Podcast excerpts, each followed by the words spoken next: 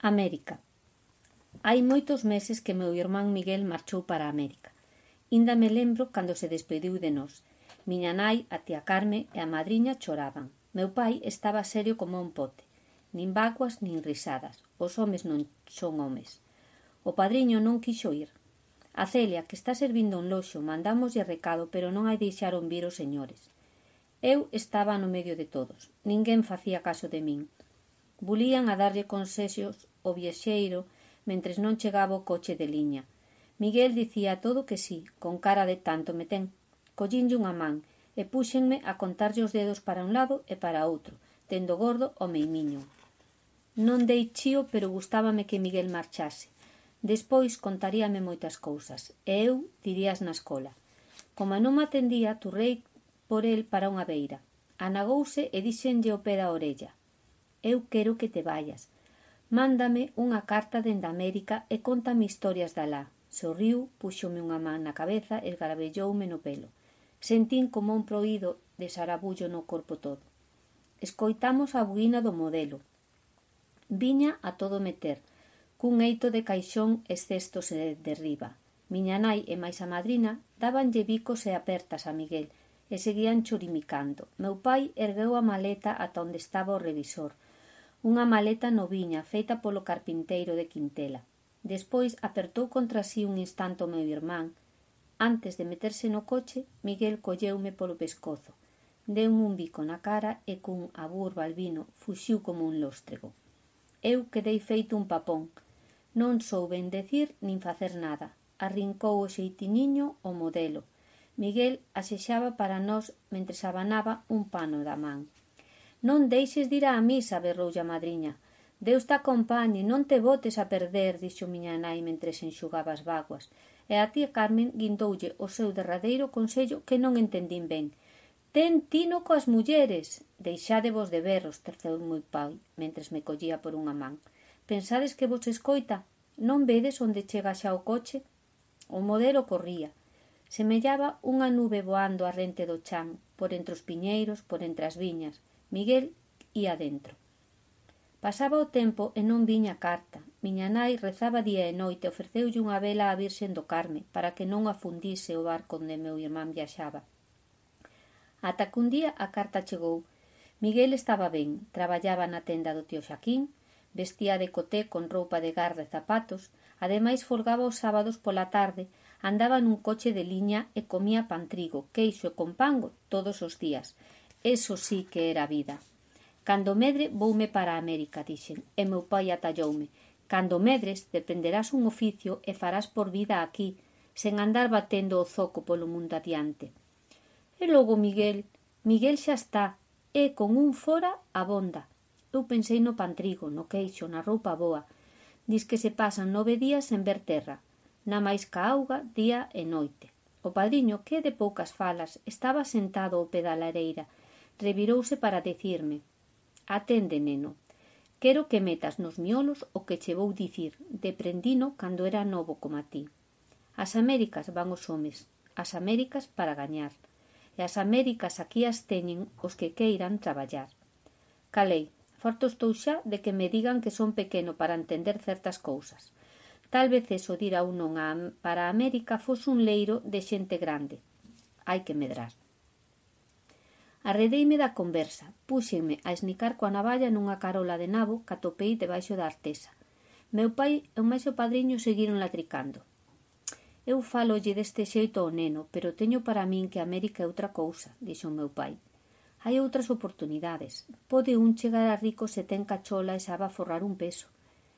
É que poñen tantas impedimentas para irse que senón Ti non sabes o que dis, atallou no padriño. Na América non hai mellores vantaxes das que temos aquí. Digo eu que botei anos da bondo por aquelas terras. América é un icho. Os que caen nel non avisan os que chegan detrás. Primeiro, pérdense costumes, xeitos de vida do país de orixen. Pérdese a alegría, rematando a máis das veces por perdelo todo.